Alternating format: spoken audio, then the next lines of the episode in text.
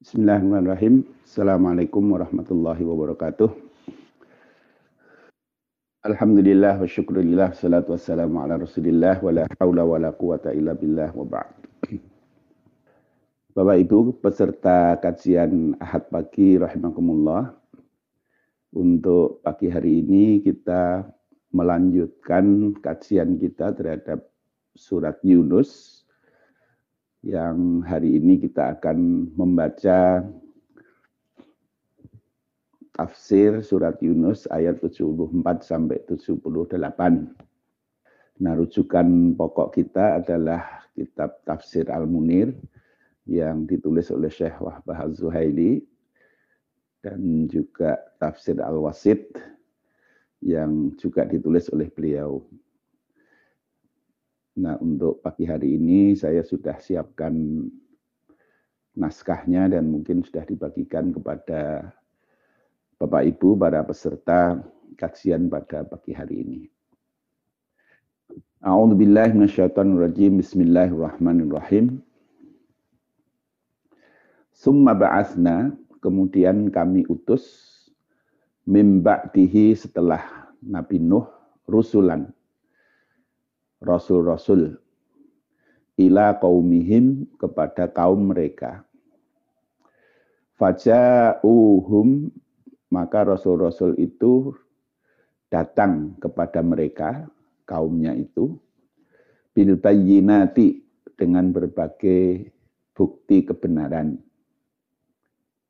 Fama kanu liyu'minu maka mereka kaum itu tidaklah beriman bima kadzabu bihi min qablu sebagaimana kaum-kaum itu telah mendustakan rasul itu sebelumnya.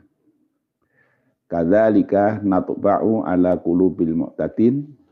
Demikianlah kami tutup kami kunci mati ala qulubil mu'tadin terhadap orang-orang yang hati orang-orang yang melampaui batas.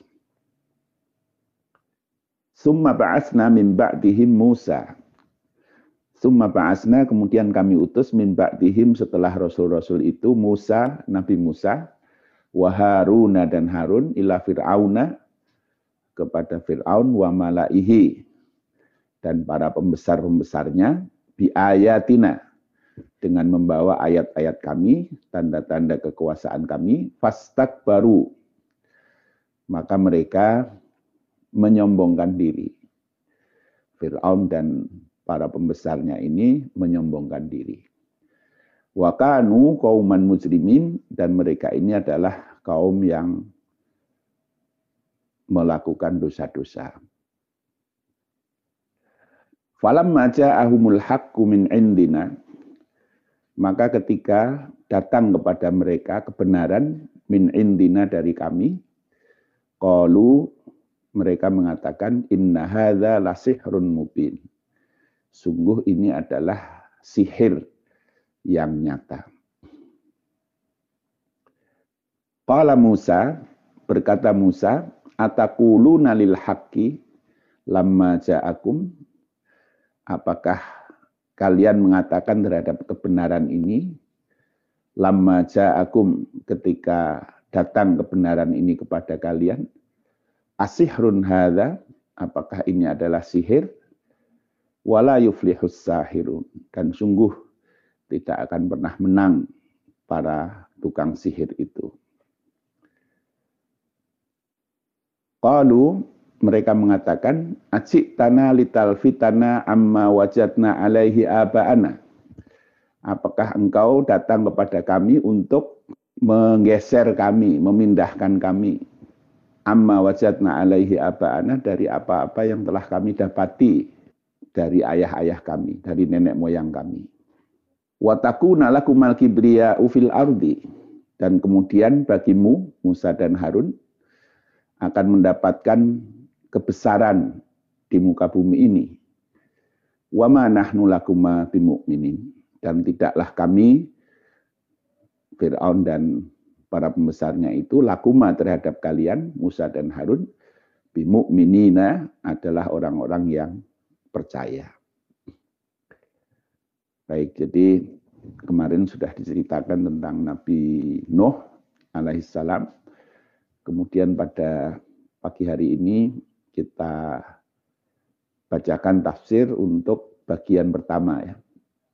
Jadi kisah Nabi Musa dan Fir'aun ini masih lanjut lagi di ayat berikutnya. Nah, tapi ini kita ambil di bagian eh, sebagian dulu. Al-munasabah. Istamarra takdzibul anbiya'i bainal umami min ba'di Nuhin alaihi salam. Jadi pendustaan terhadap para nabi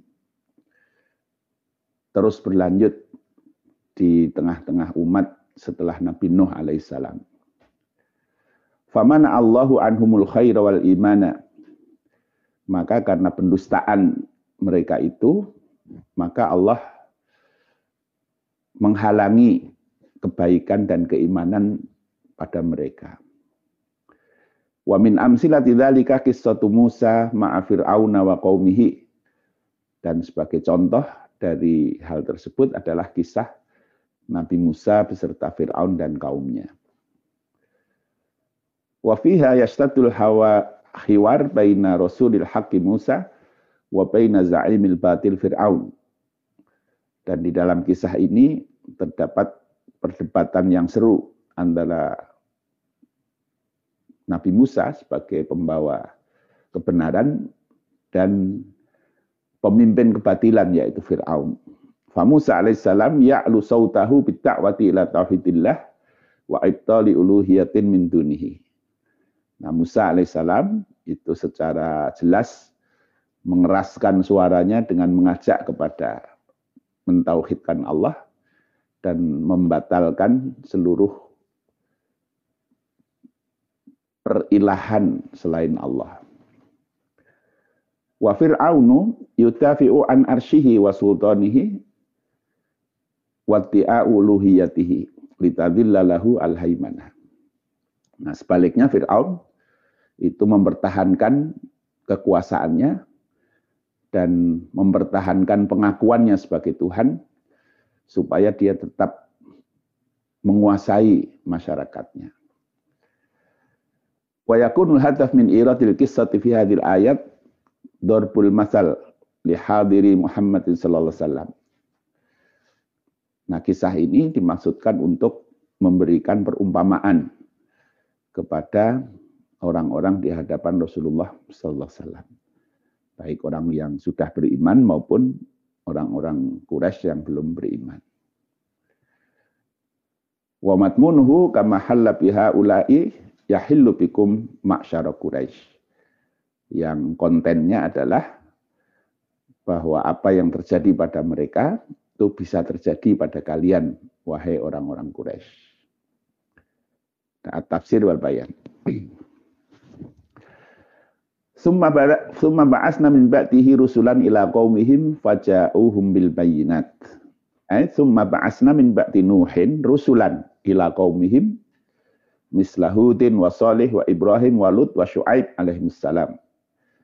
Jadi setelah Nabi Musa Eh, setelah Nabi Nuh alaihissalam, maka Allah mengutus kepada berbagai kaum seperti misalnya Nabi Hud, Nabi Soleh, Nabi Ibrahim, Nabi Lut, Nabi Shu'aib alaihissalam, bil bayyinati ay bil mu'jizatil qahirati wal atillati wal barahinil aqliyati wal hissiyati. Ala sidqi ma ja'uhum bihi yaitu dengan membawa bayinat Nah, yang maksud dengan bayinat ini adalah mukjizat yang nyata dan bukti-bukti akliyah dan bukti-bukti yang secara fisik bisa dilihat yang menunjukkan kebenaran terhadap apa yang eh, mereka bawa itu. Famaka nuliyuk minu. Ay famaka natil kal akwam lituk minabi maja adhum bihi rusuluhum. Tetapi mereka, kaum-kaum itu tidaklah beriman kepada apa yang dibawa oleh para rasul itu. Bisa babi takzibihim iyahum awwalama ursilu ilaihim karena penolakan mereka terhadap para rasul itu sejak pertama kali mereka diutus. Wa kama kadzdzaba bihil mutaqaddimuna anhum in qablu mimman kanu amsaluhum fi sababil kufri. Sebagaimana orang-orang sebelum mereka, mereka juga menentang para rasul itu sejak awal yang menjadikan sebab kekufuran mereka. Wal muradu biqaulihi min qablu faqala ba'dul mufassirin qabla bi'satir rusul wa qala akhurun bima kadzdzaba bihi qauman nuhin min qablu. Jadi kata-kata min qablu di dalam ayat ini fama kanu liyu'minu bima kadzabu bihi min qablu. Jadi min qablu itu bisa bermakna umat-umat sebelumnya atau bisa juga lebih spesifik yaitu umatnya Nabi Nuh sebelum diutus kepada umat berbagai nabi itu. Kadzalika natma'u ala qulubil mu'tadin ay kama nakhtimu ala qulubi haulain fala yu'minu bisababi takdzibihim al mutaqaddim. Hakadza nakhtimu ala qulubi man asbahum fil inati mimman ba'd mimman ba'dahum minal mu'tadina ka qaumika fala yu'minu hatta yarul adzabal alim. Jadi sebagaimana kaum-kaum terdahulu mereka tidak mau beriman jadi ditutup hatinya oleh Allah sehingga tidak mau beriman karena pendustaan mereka, penentangan mereka terhadap rasul-rasul itu.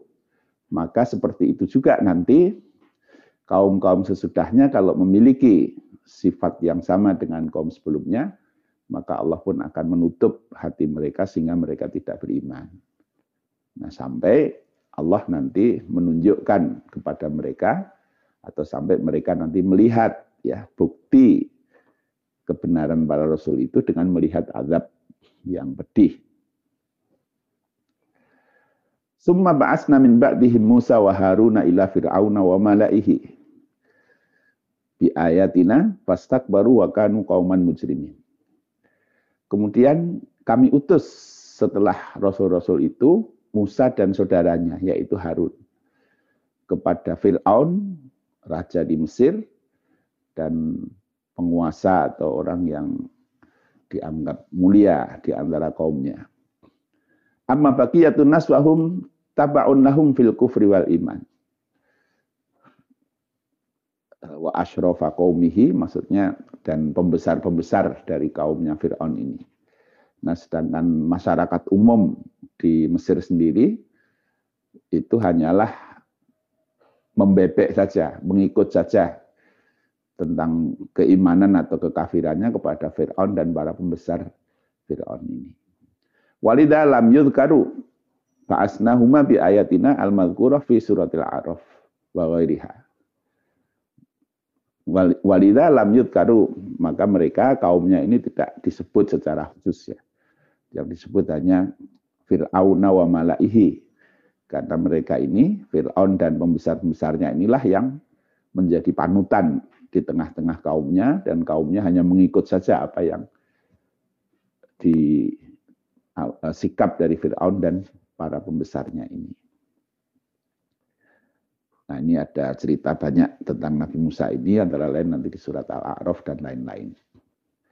Fastak baru an ittiba il wal inggiyati lahu anil imani bi Musa wa Harun.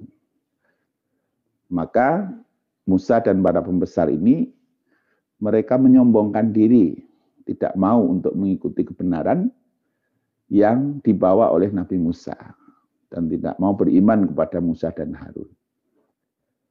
Wa kanu qauman mujrimin ay mu'tadil ajram kuffaron dawi asamin idhamin rasihina fil jarimati wa dzulmi wal ifsati fil ardi.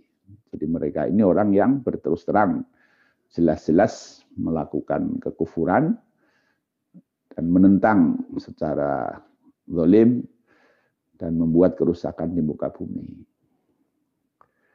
Wa a'zamul kibri, nah sebesar-besar kesombongan itu adalah ayataha wa nas bi risalati rabbihim ba'da qiyamil adillati ala sihhatiha. Yaitu meremehkan utusan-utusan Tuhan mereka setelah diberikan bukti kebenaran terhadap eh, kebenaran risalah itu. Nah, ini kesombongan yang paling besar itu adalah menolak terhadap kebenaran walaupun sudah ditunjukkan bukti-bukti yang nyata di hadapan mereka ini. Nah, ini kauman mujrimin. Falamma ja'ahumul haqqu min indina qalu inna hadzal sihrun mubin. Jadi ketika Nabi Musa itu datang dengan membawa bukti-bukti kebenaran dari Allah Subhanahu wa taala yaitu mukjizat-mukjizat. Qalu inatan wa utuwan wa hubban lisyahawat inna hadza sihrun wadihun. Maka mereka Musa dan uh, Firaun dan para pembesarnya ini mereka menolak dengan penuh kesombongan ya dan lebih mengikuti sahawat mereka. Inna hadza sihrun wadihun apa yang kamu bawa ini adalah sebuah sihir yang nyata. Qalu muqassimina ala qaulihim muakkitina lahu bi anna. Jadi mereka mengatakan bi inna ya. Mereka mengatakan dengan penuh kesungguhan dengan mengatakan inna sungguh. Nah, ini adalah sihir yang nyata. Jadi yang Allah berikan kepada Nabi Musa sebagai bukti kebenaran beliau sebagai rasul Antara lain adalah dua ya. Yang pertama ditunjukkan kepada dia tongkat yang berubah menjadi ular, yang kedua tangan beliau yang bisa bercahaya. Nah, dan nanti lain-lain bukti-bukti yang lain ya selama masa kehidupan Nabi Musa di hadapan Firaun itu. Tetapi yang nyata saat itu dua itu. Nah, ketika mereka Firaun dan pembesarnya ini ditunjukkan oleh Nabi Musa tentang mukjizat hissiyah, mukjizat yang bisa langsung mereka lihat secara fisik itu. Nah, mereka mengatakan ini adalah sihir. Ya. Nah, kenapa asosiasi dari Fir'aun ini adalah sihir? Karena memang di zaman Fir'aun ini tumbuh ilmu sihir yang luar biasa. Nah, sebagaimana di dalam pembahasan tafsir kita beberapa waktu yang lalu, biasanya Allah itu akan memberikan mukjizat kepada satu kaum itu disesuaikan dengan eh, apa yang dianggap hebat di tengah-tengah kaum itu. Jadi misalnya di zaman Nabi Musa ini ilmu sihir yang sangat eh, menonjol di tengah-tengah masyarakat. Para sahirun, orang-orang ahli sihir itu adalah orang-orang yang dihormati di tengah-tengah mereka Nah, kemudian Nabi Musa diberi sebuah mukjizat, diberi mukjizat yang seolah-olah diimajinkan oleh uh, Fir'aun dan para pembesarnya ini juga sihir juga gitu. Dan kemudian nanti Allah menunjukkan bahwa seluruh ahli-ahli sihir yang dikumpulkan oleh Fir'aun pada saat itu, tokoh-tokoh hebatnya itu ya, ternyata dikalahkan oleh mukjizat Nabi Musa ini. Nah ini seperti itu ya. Jadi misalnya di zaman Nabi Isa, waktu itu yang sedang berkembang adalah ilmu tentang pengobatan. Nah, Nabi Musa, eh, Nabi Isa diberi mukjizat yang mengalahkan seluruh ilmu itu. Nah, jadi berbagai penyakit yang belum bisa diobati saat itu, itu bisa diobati oleh Nabi Isa alaihissalam. Nah, bahkan sampai menghidupkan orang yang mati. Gitu. Nah, ini sebagai menunjukkan tentang kebesaran Allah di atas kemampuan-kemampuan mereka. Nah, di zaman Rasulullah SAW, salah satu yang diunggulkan di tengah-tengah masyarakat itu adalah kemampuan bersastra. Maka Allah kemudian turunkan Al-Quran yang dari segi sastra itu mengalahkan seluruh ahli sastra pada zamannya. Sehingga mereka pun tidak mampu untuk menandingi apa yang dibawa oleh Rasulullah berupa Al-Quran yang luar biasa dari sisi sastra itu. Dan bukan hanya dari sisi sastra, tapi juga dari sisi konten yang dibawa oleh Al-Quran itu. Nah demikianlah setiap nabi itu diberi oleh Allah mukjizat-mukjizat yang bisa secara langsung dirasakan oleh kaum mereka bahwa apa yang dibawa oleh para nabi ini adalah sesuatu yang di luar kemampuan kehebatan mereka. Untuk menunjukkan ini adalah bukti kebenaran dari para nabi itu. Qala Musa, ataquluna lil haqqi lamma ja'akum asihrun hadha wala yufsihus sahirun. Jadi Nabi Musa berkata kepada Fir'aun dan para pembesarnya ini, apakah kamu mengatakan kepada kebenaran yang nyata ini sebagai sebuah sihir, asihrun hadha, ajaban lakum asihrun hadha. Nabi Musa mengatakan, apakah Anda menganggap ini adalah sihir? Walhal annakum ta'rifuna anna sihra tukhayyalu eh, tahyilun wa tamwihun walau kana hadza sihrun lat mahalla walam yabtil sihrus sahar. Nah, padahal sebenarnya kalian tahu bahwasanya yang namanya sihir itu sesuatu yang hanya memberikan fata morgan, khayalan, ya. tipuan-tipuan. Nah, kalau betul ini adalah sebuah sihir, maka ya ahli-ahli sihir yang lain pun bisa memahami itu. Wala yuflihus sahirun wala yafuzu sahiruna fi sahatil haqaiq wa qadayatin wa usulil hayah. Wa iqamatul mamalik di anna sihra sya'wadatun wa khiffatun wa khiffatu yatin la taghayyar minal haqiqati syai'an. Jadi kalau sebuah sihir itu dia sebenarnya adalah tipuan-tipuan yang tidak mungkin akan menjadi landasan yang kuat di dalam kehidupan ini dan tidak mengubah apa pun di dalam kehidupan ini.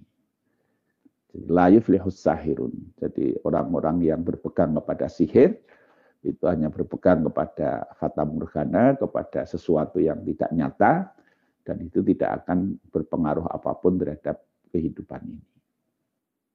Qalu ajitana litalfitana amma wajadna alaihi aba'ana wa takuna lakumal kibriya'u fil ardi wa ma nahnu lakuma bimu'minin. Maka Fir'aun pun menjawab dalam keadaan dia tidak memiliki argumen yang kuat untuk menghadapi kekuatan mukjizat Nabi Musa itu. Nah, dia mengatakan apakah kamu akan menggeser kami dari apa-apa yang telah kami dapati dari nenek moyang kami. Ya, jadi mereka sudah merasa punya keyakinan, merasa punya agama, merasa punya kepercayaan yang diwarisi dari nenek moyangnya. Kemudian datang Nabi Musa untuk mengajak mereka menyembah Allah SWT, tunduk patuh taat hanya kepada Allah. Nah mereka mengatakan, acik tanah lital fitana amma wajadna alaihi aba'ana. Jadi apakah kamu akan mengajak kami untuk meninggalkan agama dari nenek moyang kami? Itu pertanyaan pertamanya ya. Watakuna lakumal kibriya fil ardi. Kemudian kamu akan memiliki kebesaran di muka bumi ini.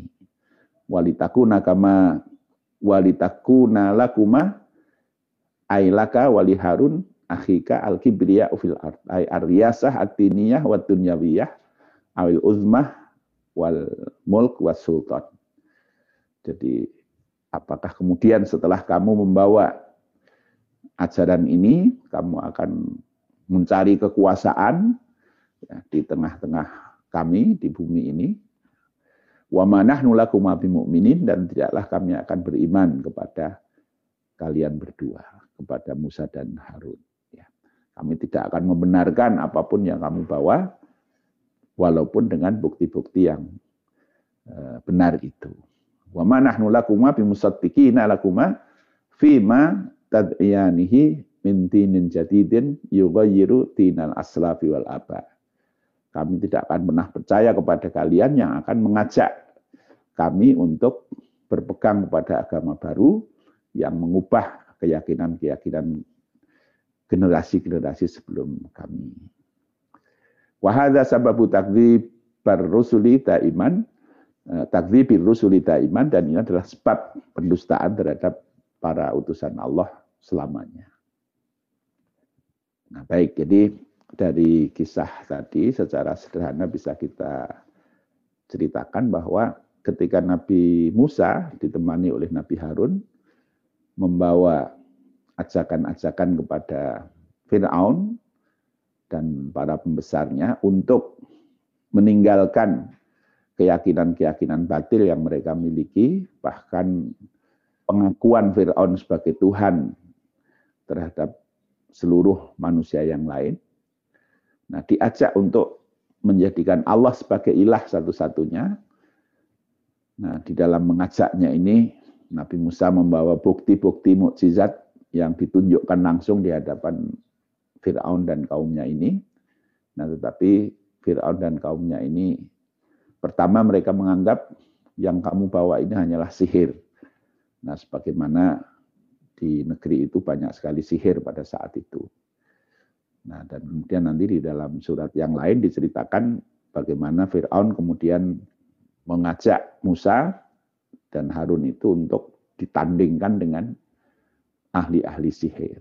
Nah, sehingga Musa uh, Fir'aun waktu itu mengumpulkan seluruh ahli sihir dari seluruh penjuru negeri untuk melawan Musa ini.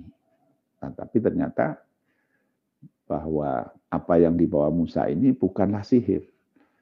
Nah, sehingga justru para ahli sihir di zaman Fir'aun itu kemudian meyakini mereka yang sangat paham tentang ilmu sihir itu sangat meyakini bahwa yang dibawa Musa ini bukan sihir. Nah, sehingga mereka justru beriman kepada Nabi Musa dan Harun. Aman Nabi Robi Musa wa Harun. Nah, ini memukul sekali terhadap Fir'aun dan para pembesarnya, sehingga Fir'aun dan besarnya ini mengancam para ahli sihir yang beriman ini untuk mereka akan dibunuh oleh Fir'aun dengan cara disalib dan dipotong tangan dan kakinya. Tetapi para ahli sihir yang sudah beriman ini, mereka tetap kokoh pendiriannya untuk tidak mau bergeser dari keyakinan mereka tentang kebenaran Nabi Musa dan Harun itu. Nah, kemudian setelah tuduhan bahwa Musa ini membawa sihir, ini tidak bisa dibuktikan, bahkan para ahli sihir pun beriman kepada Musa. Nah, maka kemudian langkah berikutnya adalah Fir'aun ini dengan kekuasaannya menuduh Nabi Musa dan Harun ini dengan dua tuduhan. Yang pertama bahwa Anda ini sebenarnya ingin membawa keyakinan baru menggeser keyakinan-keyakinan yang sudah ada di tengah-tengah masyarakat kita.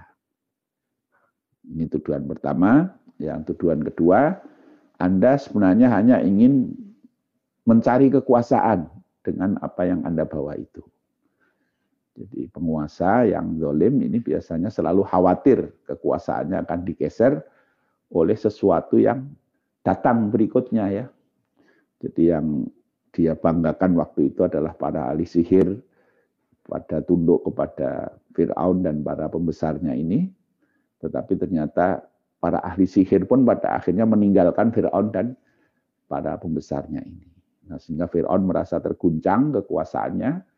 Ahli-ahli sihir yang dulu dihormati masyarakat yang menyebabkan masyarakat itu mau sangat percaya kepada Fir'aun karena ahli sihir pun percaya pada Fir'aun Nah ternyata ahli-ahli sihir ini, tokoh-tokoh masyarakat pada zamannya itu, seluruhnya beriman kepada Musa.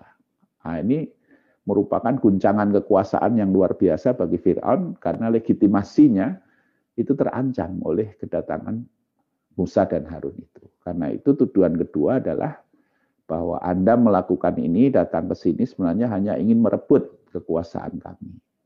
Nah, itu yang yang dituduhkan oleh Fir'aun kepada Musa dan Harun. Dan dia mengatakan bahwasanya wa manahnu lakum mu'minin, saya tidak akan pernah percaya kepada kalian berdua.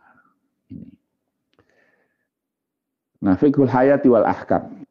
Ini ada dua bagian sebenarnya di dalam beberapa konteks ayat ini. Bagian pertama adalah ayat 74 dan bagian kedua adalah ayat 75 dan 78. Nah ini yang ayat 74 dulu. Kita lihat beberapa poin yang bisa kita ambil dari ayat 74. Ya. Pertama, takdzibul anbiya adatan syai'atun bainan nas bima kanu alaihi qabla bi'satir rusuli min tasbimin al kufri wa fihi. Jadi pendustaan terhadap para nabi itu umumnya berkembang di tengah-tengah manusia karena pengaruh dari keyakinan-keyakinan yang mereka miliki sebelum diutusnya para nabi itu. Jadi ada keyakinan-keyakinan yang sudah mendalam yang dimiliki oleh masyarakat yang keyakinan itu adalah sebuah kekeliruan, kebatilan, tetapi sudah kadung mendarah mendaging. Ya. Sehingga kemudian ketika para nabi ini diutus kepada kaum itu, tidak gampang mereka itu untuk melepaskan hal-hal yang sudah diyakini sebelumnya itu. Nah ini terjadi di seluruh umat manusia. Jadi kalau dulu kaumnya Nabi Nuh juga demikian, kaumnya Nabi Hud, kaumnya Nabi Soleh, kaumnya Nabi Lut, dan lain-lain ya, mereka itu punya keyakinan-keyakinan yang dipegangi, yang umumnya adalah warisan-warisan nenek moyang mereka, tanpa dasar-dasar yang jelas. Nah, kemudian ketika para nabi ini diutus untuk membersihkan keyakinan-keyakinan yang salah itu, ini sesuatu yang tidak gampang. Nah demikian juga di zaman Rasulullah SAW, bagaimana mengubah kaumnya untuk meninggalkan penyembahan-penyembahan terhadap berhala, kepercayaan-kepercayaan terhadap benda-benda yang dianggap mampu memberikan perlindungan kepada mereka, memberikan keberuntungan kepada mereka, ini sesuatu yang tidak gampang. Sama di masyarakat kita sekarang juga, kalau ada sebagian masyarakat yang masih memiliki keyakinan-keyakinan yang diwarisi dari nenek moyang mereka. Yang keyakinan itu adalah keyakinan-keyakinan yang tidak benar, tanpa bukti yang kuat, tetapi kalau sudah mendarah daging, walaupun itu tidak dengan dengan bukti ya, hanya taklid saja, nah itu tidak gampang untuk dihilangkan. Nah karena itu nah, bagian dari tugas para nabi, para rasul itu adalah bagaimana membersihkan ya, keyakinan-keyakinan yang salah di tengah-tengah masyarakat itu untuk dibawa kepada keyakinan yang benar di dalam kehidupan ini. Nah, itulah la ilaha illallah ya. Itulah misi tauhid itu. Jadi la ilaha itu meninggalkan semua ilah. Jadi membersihkan semua hal yang tidak ada dasarnya, pengilahan sesuatu, sesuatu yang dipatuhi, ditaati, diikuti di dalam masyarakat yang tidak ada dasar-dasar yang jelas. Kemudian illallah diganti dengan sebuah keyakinan yang jelas, yaitu ajaran-ajaran yang ditunjukkan oleh Allah Subhanahu wa taala. Nah, ini la ilaha ini nahi mungkar, illallah itu amar ma'ruf. Nah, tetapi di dalam prakteknya Nabi SAW cara menghilangkan keyakinan yang salah itu bukan dengan mencaci maki keyakinan-keyakinan yang salah itu, tetapi justru dibalik, yaitu dengan mengajarkan keyakinan-keyakinan yang benar di tengah-tengah masyarakat itu. Dengan berbagai bukti, ya bukti-bukti yang berupa Eh, sesuatu yang masuk akal ya bukti-bukti yang berupa mukjizat dan sebagainya. Nah untuk bagaimana bisa membersihkan menghilangkan keyakinan-keyakinan yang keliru di tengah-tengah masyarakat itu. Nah ini semua nabi itu seperti itu yang dihadapi ya. Dan sebagaimana semua para ulama pewaris para nabi ketika berhadapan dengan kaum-kaum yang baru mereka hadapi, nah itu juga selalu satu kaum itu pasti punya keyakinan terhadap sesuatu yang dianggap mampu untuk memberikan manfaat, perlindungan kepada mereka, menghindarkan mandorot dan sebagainya. Karena itu fitrah manusia. Dia butuh keterikatan kepada pihak lain ya, yang dianggap untuk yang dianggap mampu memberi manfaat, melindungi mereka, memberi manfaat pada mereka, Nah, tetapi kadang-kadang karena tidak jelas ya, fitrah ini tidak dituntun oleh kebenaran wahyu, maka mereka ada yang menganggap pohon besar itu bisa memberi fungsi itu, ada yang menganggap tempat tertentu bisa memberi itu, atau benda tertentu dianggap bisa memberi itu, memberi perlindungan, kemanfaatan, dan sebagainya. Nah itu adalah pencarian-pencarian dari fitrah manusia yang tidak terpandu oleh ajaran-ajaran Allah. Nah, maka kemudian para nabi datang untuk meluruskan fitrah mereka itu kepada sesuatu yang benar. Nah, karena itu selalu ya para nabi ini berhadapan dengan tantangan-tantangan yang mirip-mirip ya, yaitu keyakinan-keyakinan yang tidak benar yang diwarisi dari nenek moyang mereka. Nah, demikian juga lah seluruh umat sampai hari ini. Jadi kita juga akan selalu berhadapan dengan sebagian masyarakat yang berpegang pada keyakinan-keyakinan yang tidak benar, tetapi telah mendarah daging di tengah-tengah mereka. Nah ini eh, sebab ya, sebab pendustaan atau penolakan dari satu kaum terhadap eh, ajakan para nabi untuk bertauhid. Yang kedua, laqad ahlakallahu al-umamal mukadzibata lidusuli wa anja man amana minhum. Nah, sunnah yang sudah terjadi dari sejak kaum Nabi Nuh dan kaum-kaum sesudahnya bahwa umat-umat yang tidak mau beriman kepada para rasul ini biasanya akan dihancurkan oleh Allah dan kemudian orang-orang yang beriman itu diselamatkan oleh Allah. Ini sebuah sunnah, sunnatullah yang sudah selalu begitu. Bagaimana kaum Nuh, kaum Nabi Hud, kaum Nabi Soleh, kaum uh, Nabi Lot, dan seterusnya. Ini sunnah nah, selalu begitu ya kejadiannya. Nah yang ketiga, ihtaja al sunnah Allah Ta'ala qad al mukallaf anil iman bisa babi inatihi wa tasmimihi alal kufri wa takdibihi ar-rusulah. Nah ini dari ayat itu bisa disimbolkan yang kemudian menjadi salah satu manhaj dalam akidah sunnah bahwasanya seseorang itu Allah SWT kadang-kadang menghalangi seseorang untuk beriman karena orang itu sendiri memang mengambil pilihan untuk menolak apa yang disampaikan oleh para rasul itu. Ya. Jadi sikapnya itu menolak. Ya. Karena itu akibat dari sikap menolaknya itu Allah kemudian menutup hatinya sehingga tidak menerima iman. Ya. Fil ayat dalilun ala anal af'al waqi'atun bi qudratillahi ta'ala wa kasbil abdi. Nah, di dalam ayat ini juga menunjukkan bahwa perbuatan-perbuatan manusia itu terjadi karena kekuasaan Allah dan usaha manusia. Ya. Jadi orang beriman itu karena Allah, tetapi bagaimana dia Allah akan memasukkan iman ke dalam dirinya itu tergantung juga kepada sikap manusianya itu. Nah, kalau dia membuka hatinya untuk menerima iman, maka Allah akan masukkan iman di dalam hatinya. Nah, kalau dia menutup dirinya, menolak seluruh bukti kebenaran di dalam hatinya, maka Allah pun akan menutup hatinya sehingga iman tidak masuk ke dalam dirinya. Ay anallaha yakhluqul insani al-qudrah wal abdu yastakhdimuha fi ma yakhtaruhu min khairin aw syarrin. Jadi Allah memberi manusia itu kemampuan ya. Nah, sedangkan hamba manusia ini dia akan memilih apakah memilih pilihan yang baik atau buruk. Jadi misalnya kita mau beriman atau tidak, ini Allah memberi kita kemampuan untuk memilih ya. Jadi kita bisa beriman, kita tidak bisa juga tidak mau beriman. Nah itu Allah memberi kita memberi kita al-qudrah, jadi kemampuan untuk memilih itu. Ya.